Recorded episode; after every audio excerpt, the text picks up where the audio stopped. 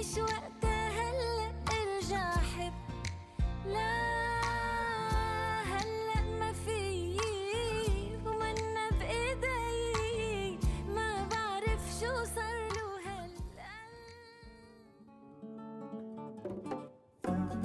ما بعرف شو صار له هالقلب. أهم شيء القلب ما يوديك في في داهية. في داهية نعم.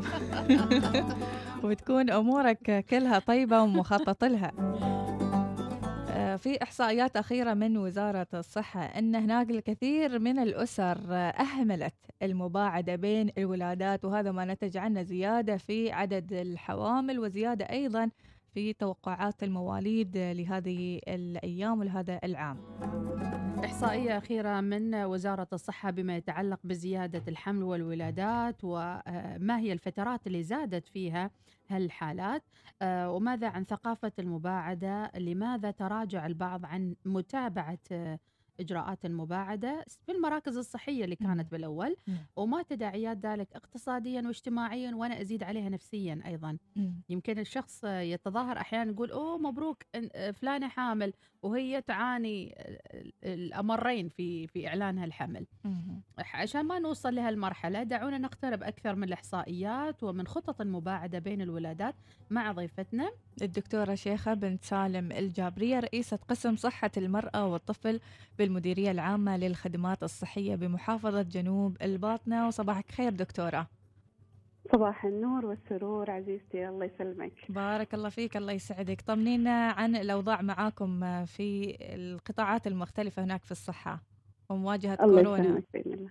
الله يسلمك بإذن الله. أولا أسعد الله أوقاتكم بكل خير ومحبة ويسعدني استضافتكم لي في هذا اليوم. وبداية أود أن أهنئكم وأهنئ عمان حكومة وشعبا بشهر نوفمبر المجيد. رحم الله باني نهضتنا وأعز سلطاننا. آه، أشكركم على الاستضافة لتركيز الضوء على حملة المباعدة بين الولادات والتخطيط الأسري. آه، وكما تعلمون أن حملة المباعدة بين الولادات هي حملة أصلا تقام سنويا. آه، منذ تدشين البرنامج الوطني في عام 1994 مم. وذلك لتعزيز وتقوية التوعية في أهمية المباعدة وفوائدها على صحة المرأة والطفل. آه، بالنسبة لي وضعنا حاليا في كورونا مواجهة الجائحة الحالية الحمد لله آه، وزارة الصحة وأيضا آه، اللجنة العليا قائمة بدورها ونحن ما ما سوى يعني نترجم آه، توجيهاتهم آه، عندنا في مؤسسات الرعاية الصحية الأولية ومؤسسات الثانوية أيضا والثالثية مم. بقدر الإمكان الله نعم، يعطيكم الله العافية. ماذا عن الله الإحصائيات الأخيرة آه، يعني دكتورة شيخة عن ما يتعلق بزيادة الحمل والولادات وهل. من ضرر من من خلال هالإحصائية لاحظتوا؟ فعلا هو متوقع أنه هناك تكون زيادة في آه، أعداد المواليد خصوصا بعد الجائحة الأخيرة وب- وبسبب تداعياتها في ظل هذه الظروف. ولكن بالنسبة للإحصائيات هناك ما يقارب حوالي 83 ألف ولادة سنويا. يعني بمعدل تسعة أطفال مواليد في الساعة الواحدة. ما شاء الله. وعدد الولادات مؤخرا ما أنها تشهد زيادة مضطردة عما كان في السابق. هذا قبل الجائحة أنا أتكلم. فمعدل الخصوبة حاليا في أو في السنوات الأخيرة تق- تقارب 3.7 مقارنة بما كان في السابق حيث كانت الأمهات تلد ما يقارب 10 أبناء للأسرة الواحدة. آه، طبعا الأسباب لوجود انخفاض معدل الخصوبة أنا أتكلم عن معدل الخصوبة وهو آه، مغاير عن آه، أعداد الولادات نعم. هو تأخر سن الزواج للمرأة مثل ما نعرف حاليا مع وجود النهضة المباركة تلتحق الكثير من النساء بمؤسسات التعليم العالي وهذا ما يسبب تأخر سن الزواج. وأيضا هنا السؤال إذا لما المباعدة بين الولادات؟ إذا كانت هناك آه، انخفاض في معدل الخصوبة ولكن بالتأكيد هناك ما يقارب 83 ألف ولادة سنويا ومعدل تسعة أطفال مواليد في الساعة هو لا ما زال عدد كبير. السؤال لما المباعدة بين الولادات؟ طبعا آه، عشان نفرق في الموضوع هذا لازم نعرف المباعدة بين الولادات وهو المقصود المباعدة بين الولادات. المقصود بها هو ترك فترة زمنية مناسبة لا تقل عن ثلاث سنوات بين كل حمل وآخر. باستخدام أحد الوسائل المباعدة طبعا المأمونة والمناسبة والتي توفرها وزارة الصحة في جميع مراكز الرعاية الصحية الأولية وكذلك بمساندة من الرعاية الثانوية مؤشرات المباعدة بين الولادات منخفضة. يعني ثقافة المجتمع ما زالت ضئيلة في هذا ما أقول ضئيلة منخفضة بمقاربة بمتوقعاتنا مم. أه، فهناك للأسف تقارب بين الأحمال رغم سن الزواج أه، رغم تأخر سن الزواج يمكن وهذا دكتورة يعني أحيانا دكتورة أنا أستغرب من بنات متعلمات بنات. مثقفات مم. وواعيات ومع ذلك نتفاجئ أن كل سنة جايبت لها طفل وحتى فعلا. أعمارهم متقاربة, متقاربة، جدا صح. يعني بين فعلا- ثلاث فعلا- سنوات هي عندها ستة أطفال يعني ما أعرف إيش الهدف اللي إذا هي. حاطط لنا هذا يقودنا أيوة. دكتورة شيخة للسؤال التالي من مم. الذي يحدد كم طفل أنجب وما, وما هو. العدد المثالي للأطفال اللي يجب أن أنجبهم فعلا خلينا نروح على لمحة أم، أو مؤشرات إحصائية في في هذا الخصوص وهو ما يعطينا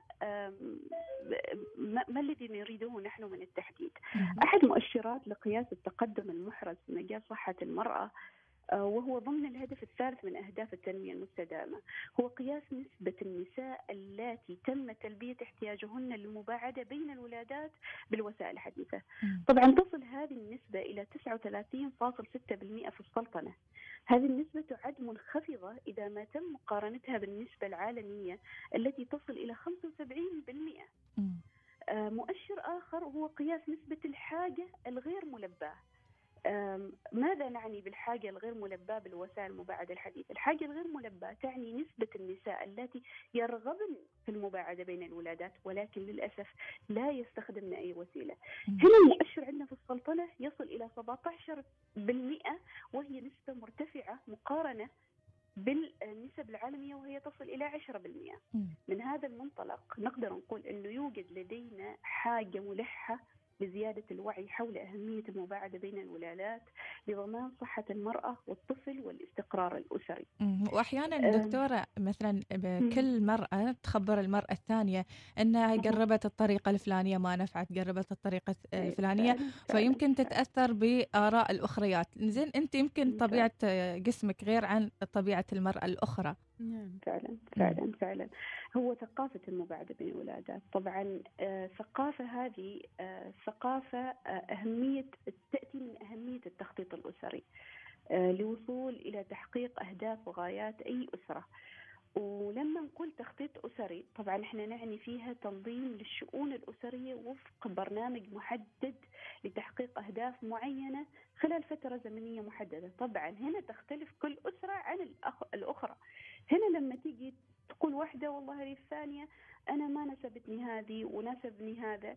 هنا نيجي نتكلم فيها في دراسة أخرى اللي هي طب- طبعا قاسة التراجع الذي- نشهده الحين حاليا عند البعض. آه، هناك دراسة نوعية للوقوف حول هذه الأسباب. ليش عندنا تراجع في ظل هذه الظروف؟ تراجع في المباعدات صحيح دكتورة شيخة؟ أيوة. تراجع في المباعدات. تراجع في المباعدة إيش السبب؟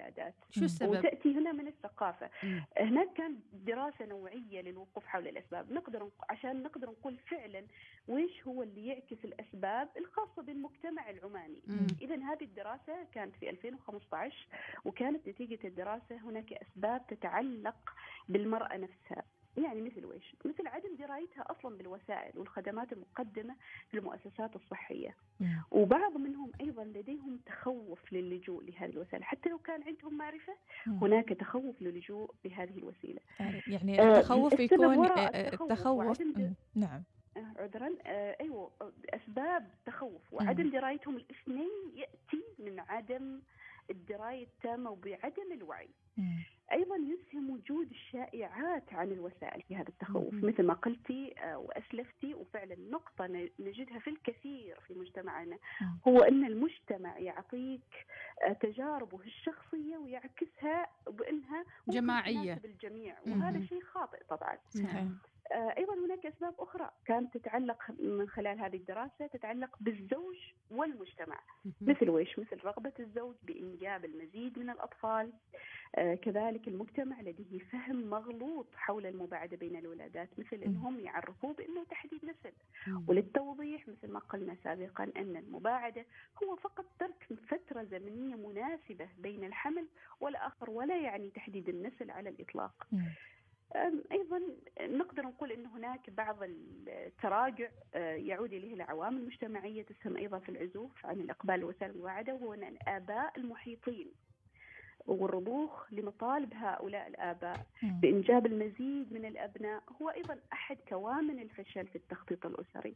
في المجتمع العماني للأسف آه، وأيضا لذا إحنا نشجع المرأة في جميع المؤسسات الصحية بأن تشارك زوجها في قرار المباعدة بين الولادات وتحديد الوسائل لأنه كل زوج عليه أن يتخذ جانبه من المسؤولية ولكل طرف أيضا مسؤولية مشتركة في هذا الجانب. نعم لاحظت حقيقة دكتورة مثل ما بدينا الكلام أنه. مع وجود الوعي لكن كثير من الأمهات الجديدات نقول آه،. أمهات من مواليد 2000 ومواليد 90 ولكن كل. ساحبة فعلاً. ستة ساحبة ستة يعني وهم. متقاربين في العمر ما الضغط النفسي وما الضغط الاجتماعي وسوء العلاقة أحيانا بين الزوج والزوجة نتيجة تكرار الولادات أعطينا بعض. الملامح اللي وجدتوها في الواقع إن شاء الله هو طبعا هناك في تداعيات اقتصادية واجتماعية ونفسية مثل ما أسلفتي مم. آه،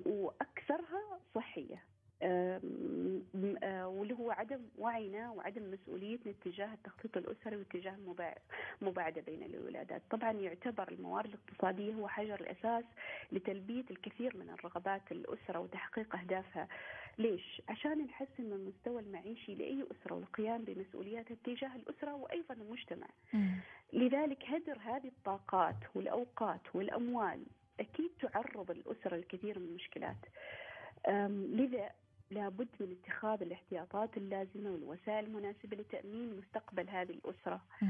من خلال تنظيم آه، تنظيم جيد يضمن حياة سعيدة بعيدة عن أي اضطراب نفسي أي اضطراب جسدي أي اضطراب آه، مالي اقتصادي. على الأقل يخفف من حدته وأيضا يمكن آه، تحسين هذه التداعيات من خلال تحسين آه، التخطيط الأسري من. خلال ويش؟ كيف نرفع نسبة التخطيط الأسري طبعا من خلال إدراك الزوجين بأهمية التخطيط الأسري هذا مهم جدا إذا لم يدرك الزوجين وأنا ما أقول المرأة أقول الزوجين لأن كل طرف مسؤول. الزوجين بأهمية التخطيط الأسري مراعاة الأولويات وضوح الأهداف مم. آه، لكل أسرة تختلف طبعا عن الأخرى مم. وإمكانية الوسائل ومشروعيتها لأنه هنا تدخل فيها مشروعية وسائل مثل ما تعرفي مجتمعنا العماني يهمه جدا مشروعية هذه الوسائل من الجانب أيضا الديني ديني. نعم. هناك الكثير آم. من الأسر الحين دكتورة تتكبد عناء عدم المباعدة وأيضا إنجاب الكثير من الأبناء بدون تخطيط بدون أيضا آه، تأمين مستقبل كل طفل هل وصلتكم يعني مثلا تجارب حقيقية لامستوها وعايشتوها من خلال هذه ال- الأسر اللي أنجبت عدد يعني كبير من الأبناء في فترة قصيرة. أيوه فعلا. هو ط... أكيد إحنا لامسناها في الجانب ال- ال- الصحي. كثير. يعني قد نكون معرفتنا بالتداعيات الاقتصادية والاجتماعية كجانب صحي أقل من معرفتنا بالجانب الصحي. طبعا إحنا نلامسها في صحة الأم وصحة الطفل وأيضا صحة الأسرة ككل. لما أقول صحة الأم نشوفها هذه التداعيات والمضاعفات اللي نشوفها إحنا نشوفها وين؟ نشوفها في مضاعفات الحمل والولادة توجد لدينا حالات يصبح معها الحمل أكثر خطورة. سبب وإيش السبب عدم وجود التخطيط الأسري. وهو ما يهدد حياة الأم آه، وأيضا الطفل. الحمل المتكرر يزيد من معدل حدوث المضاعفات. يزيد من معدل حدوث المضاعفات. مثل إيش؟ مثل الأوضاع المعيبه للجنين، مشاكل الحبل، الحبل السري، الغشيم، النزيف، وبعض المضاعفات المصاحبه أيضا للحمل ارتفاع ضغط الدم وتسمم الحمل. والتقليل من نسبة الوفيات بين الأمهات مهم جدا مم. لأنه حاليا تقريبا يوجد لدينا تموت سنويا ما يقارب نصف مليون امرأة في العالم بسبب الحمل والولادة. فهناك دراسات تؤكد أن التباعد المباعدة بين الولادات تقلل من هذه الخطورة. أيضا هناك آه، مثل ما أسلفتي فرصة كافية لاستعادة عافية العافية الجسدية والنفسية والقدرة على حمل جديد عند وجود مباعدة مناسبة ما بين الحمل والآخر لكن دكتورة ما جاوبتي على سؤالي دكتورة. شيخة أيوة من هل نرى هل من يحدد- ذلك؟ فعلا نلامسها مثل ما إيه. خبرتك لا لا من يحدد عدد الأطفال ومتى نحدد عدد الأطفال هل نحددها بعد خمس سنوات زواج أم قبل يعني فترة الخطوبة نحدد كم طفل أنه آه، يحددها العائلة يحددها الزوجين العادات. والتقاليد أو من يحدد ومتى الوقت المناسب طبعا تحديد التحديد التنظيم الشؤون الأسرية هذه تسمى تخطيط أسري. التخطيط الأسري أشمل من المباعدة بين ولادات. المباعدة بين ولادات هذه جزء من التخطيط الأسري كيف نسوي التخطيط هالتخطيط الأسري من يحدده دكتورة. يحدده الطرفين كأسرة. نعم. يحدده الطرفين من خلال وش؟ من خلال أول شيء يحددوا وش هو هي إمكانياتهم. إمكانيات الأسرة تعتمد إمكانيات صحية اقتصادية اجتماعية. صحيح. أنا أنا كأسرة أختلف عنك أنت مم. كأسرة في إمكانياتك بعدد الأطفال اللي ممكن تنجبيها. صحيح. من هنا يتيجي التحديد بالضبط. مم. أنا ما هي قدراتي الجسدية الصحية؟ ما هي قدراتي المالية؟ ما هي قدراتي الاجتماعية؟ مم. وكفاءاتي اللي موجودة عندي عشان أنا أحدد. لذا ما نقدر نقول إنه إحنا نقدر نحدد لأسرة أخرى لا. كل مم. هي تحدد طيب، بالضبط دكتورة والأسرة شيخة. الزوج والزوجة أهم شيء إنه ما أيوة. نتأثر إن الجدة تقول يلا غايتكم أنا يجيبوا أقصد أولاد الأسرة أيوة. فعلاً، أنا أقصد الأسرة نعم. الطرفين نعم. الزوج والزوجة يعني هم أدرى بوضعهم الاقتصادي أدرى. بوضعهم. النفسي وأدرى. بالضغوطات اللي يواجهونها من قبل الأطفال يعني ما أنا أسمع كلام ال- العمة وكلام اليد واليد. هذول مو بعايشين معاكم ما راح. يكونوا موجودين معاكم. أو حتى كلام آه، الناس. أنا أتكلم عن تجربة دكتورة شيخة عن تجربتي الذاتية والشخصية.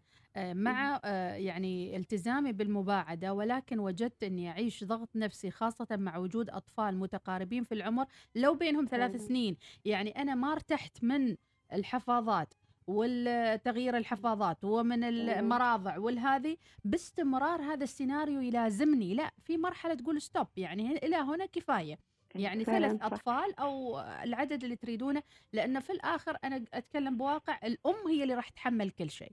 من الوحام. من التعب من هي- نقص الهيموغلوبين إلى الولادة وتربية الأبناء ما حد معش فعلا هي تاخذ آه، مم. نصيب الأكبر. من صحيح. تحمل المسؤوليه صحيح. هذه لكن أيضا ما نقدر نقول إنه ما يعطي ال- ال- الزوج أيضا مسؤولية أكبر يعطيه مسؤولية مم. أكبر وقد أيضا يؤدي عند بعض الأزواج إلى تحمل مسؤوليات أكبر من طاقتهم مم. فمثل ما أسلفتي وقلتي فعلا هي الأم تأخذ النصيب الأكبر من تحمل المسؤولية ولكن أيضا الزوج يتحمل الكثير من التداعيات هذه المادية نعم. ولذا الطرفين مسؤولين عن وضع التنظيم الأسري لهم من بداية الزواج من. بداية وضع حجر الأساس هو التنظيم الأسري نعم. ما فقط تلبية رغبات الأسرة والمجتمع لا هم فقط يجب أن ينظروا إلى كفاءاتهم قدراتهم طيب علشان ما في- تكون في ظل جائحة كورونا. يعني تتوقعوا الآن ما جاءت الإحصائيات يمكن 2021 تنشر إحصائيات. في أيوة، أكيد السابق. الإحصائيات 83 ألف طفل. هل تتوقعوا بعد جائحة. كوفيد 19 2021 كم راح يزيد عدد الأطفال مواليد؟ طبعا هناك في توقعات في. توقعات لزيادة مضطردة في أطفال ال- في المواليد. 150 ألف؟ إحنا ما نقدر نقول حاليا خلينا على نهاية العام مم. على أساس إنه تكون فعلا إحصائيات دقيقة هذا نهاية العام بإذن الله تعالى تطلع إحصائيات وزارة الصحة لكن إحنا حاليا نقدر نشوف نقول إنه في مؤسساتنا أه، في مؤسساتنا الصحية مم. توجد لدينا زيادة مضطردة في الأعداد المترددات. لعيادات الحمل والولادة للأسف نعم هذه بسبب يعني الحجر وبسبب إن الناس قامت تخاف تروح المراكز الصحية ولا آه، على أساس إنه آه، تسوي المباعدة ولا إيش بالضبط؟ هو نقدر نقول م- ما نقدر نقول آه، سبب بذاته ليش؟ لأنه مم. هذا لا يج- يجب أن يعتمد على دراسة معتمدة،. لكن من خلال ملامستنا آه، في المراكز الصحيه هي تراجع الكثير من المترددين وتراخيهم في هذا المجال بسبب خوفهم. من آم، مراجعة المؤسسات الصحية فتجد كثير من النساء ممكن تكون فوتت مراجعاتها. آه، لأخذ وسائل مساعدة بين ولادات بس دكتورة الخوف. نقول كلمة يعني حقيقية وأخيرة. ما في شيء يحصل في الدنيا هذه مصادفة. ما في لا انصدمت والله ولا ما عندي خبر ولا مو مخططة. ما يستوي. هذا يعني جزء من قلة الوعي نسميه. إن الواحد يعني ينجب بدون أن وزارة نعم. الصحة بذلت جاهدة وأيضا التوجيهات الأخيرة من معالي وزير الصحة نفسه نعم. في شهر أكتوبر لإعطاء هذا المجال ال- ال- ال- كامل الكفاءات والطاقات لتوعية المجتمع مجددا ودائما في هذا المجال هل المراكز تستقبل في هذه كثير في المراكز آه، عذرا في هذه الفترة تستقبلون بعد أنظمة إيه، التباعد وكلها أبداً. نعم ما وقفنا ابدا. عشان كذا. أنا أقول أريد أسلط الضوء على الجهود صراحة اللي بذلتها المؤسسات الصحية خلال هذه الفترة فترة جائحة كورونا. نعم. طبعا بغض النظر عن إنه تقليل أعداد المتر... توجهنا لتقليل أعداد المترددين من المراكز الصحيه لحمايتهم لكن لم نتوقف ولن نتوقف عن إعطاء الوسائل أو الخدمات الصحية، لكن هناك كان في تغيير في طريقة التوصيل الخدمة. على سبيل المثال لنقول إنه المرأة آه، عندها مسبقا وسيلة من وسائل المباعدة وتريد إنها هي تكمل مراجعاتها لكن عندها خوف إن هي تراجع المؤسسه الصحيه، لذلك كان هناك تعديل في طريقة إعطائها، مم. هي طبعا تراجع المؤسسه الصحيه فقط لاستلام الوسيلة مباشرة، تتواصل مع المؤسسة الصحية سواء عن طريق وسائل التواصل الاجتماعي أو عن. طريق طبعا بطريقة منظمة من. كل مؤسسة صحية مع المرضى الخاصين بها ولاستمرار هذه الخدمة. إذا لا عذر ما لهم عذر يعني في الموضوع أم- ابدا ما مم. عذر وأيضا حتى بعد بعض الاستشارات كنا نعطيها مم. لل... لل... للأمهات ولل لل... لل... للمرأة آه، بكل الوسائل المناسبة اللي هي ممكن تكون هاتفيا ممكن تكون عن طريق حتى الواتساب أيضا ما ننسى دكتورة شيخة. في هناك الزوجات الجديدات أيضا اللي توهم الزوجات واللي أيضا مقبلين على الزواج حياة مستمرة رغم جائحة كوفيد 19 فعلا ما. واحد يقول لا أنا ما حد كلمني وما ما حد وعاني. أيوه ما اريد طبعا أقلل من دور الإعلام في هذا الموضوع. هنا جاء دور الإعلام. طبعا الإعلام مساند لجميع أنواع التوعية عندنا. الإعلام أيضا إحنا دخلنا فيه معاهم وأيضا مثل من خلال استضافتكم معانا اليوم ما شاء الله مساند جدا في نوع أنواع التوعية اللي إحنا نقدمها بجميعها ما أقصد فقط بعد بين الولادات بجميعها سواء كانت في جائحة كورونا برامج الصحية المصاحبة وسائل المباعده بين الولادات كانت هناك حاضرة مم. فلذلك المجتمع الحمد لله الآن يصله الوعي بجميع الطرق سواء بمراجعة المؤسسة الصحية آه، وجود الوسائل ال- الإعلامية آه،. التواصل الاجتماعي. أكيد آه، دور متكامل بين الجهات الصحية وأيضا الإعلام بمختلف مستوياته سواء كان صحافة إذاعة تلفزيون. كنا في خدمة المجتمع وإن شاء الله الرسالة توصل بإذن الله. تفاصيل كثيرة عن هذا الموضوع حابين نعرفها ولكن الوقت نعم. يداهمنا الدكتورة شيخة شكرا لك وشكرا لوجودك اليوم في برنامج صباح الوصال. وللاستفادة القصوى اللي فات اللقاء بإمكانه يدخل على موقع الإذاعة الأولى الوصال ويستمع للقاء شكرا لك الدكتورة شيخة طابت أوقاتكم بكل بارك الله فيك. الله شكراً. لك، شكراً لك. إذا كانت معنا الدكتورة شيخة بنت سالم الجابري رئيسة قسم صحة المرأة والطفل بالمديرية العامة للخدمات الصحية بمحافظة جنوب الباطنة. أعتقد بكذي آه، نختم برنامج صباح الوصال وبعد شوية راح يبدأ برنامج آه، عهود من المجد. نعم اذا نصل إلى ختام البرنامج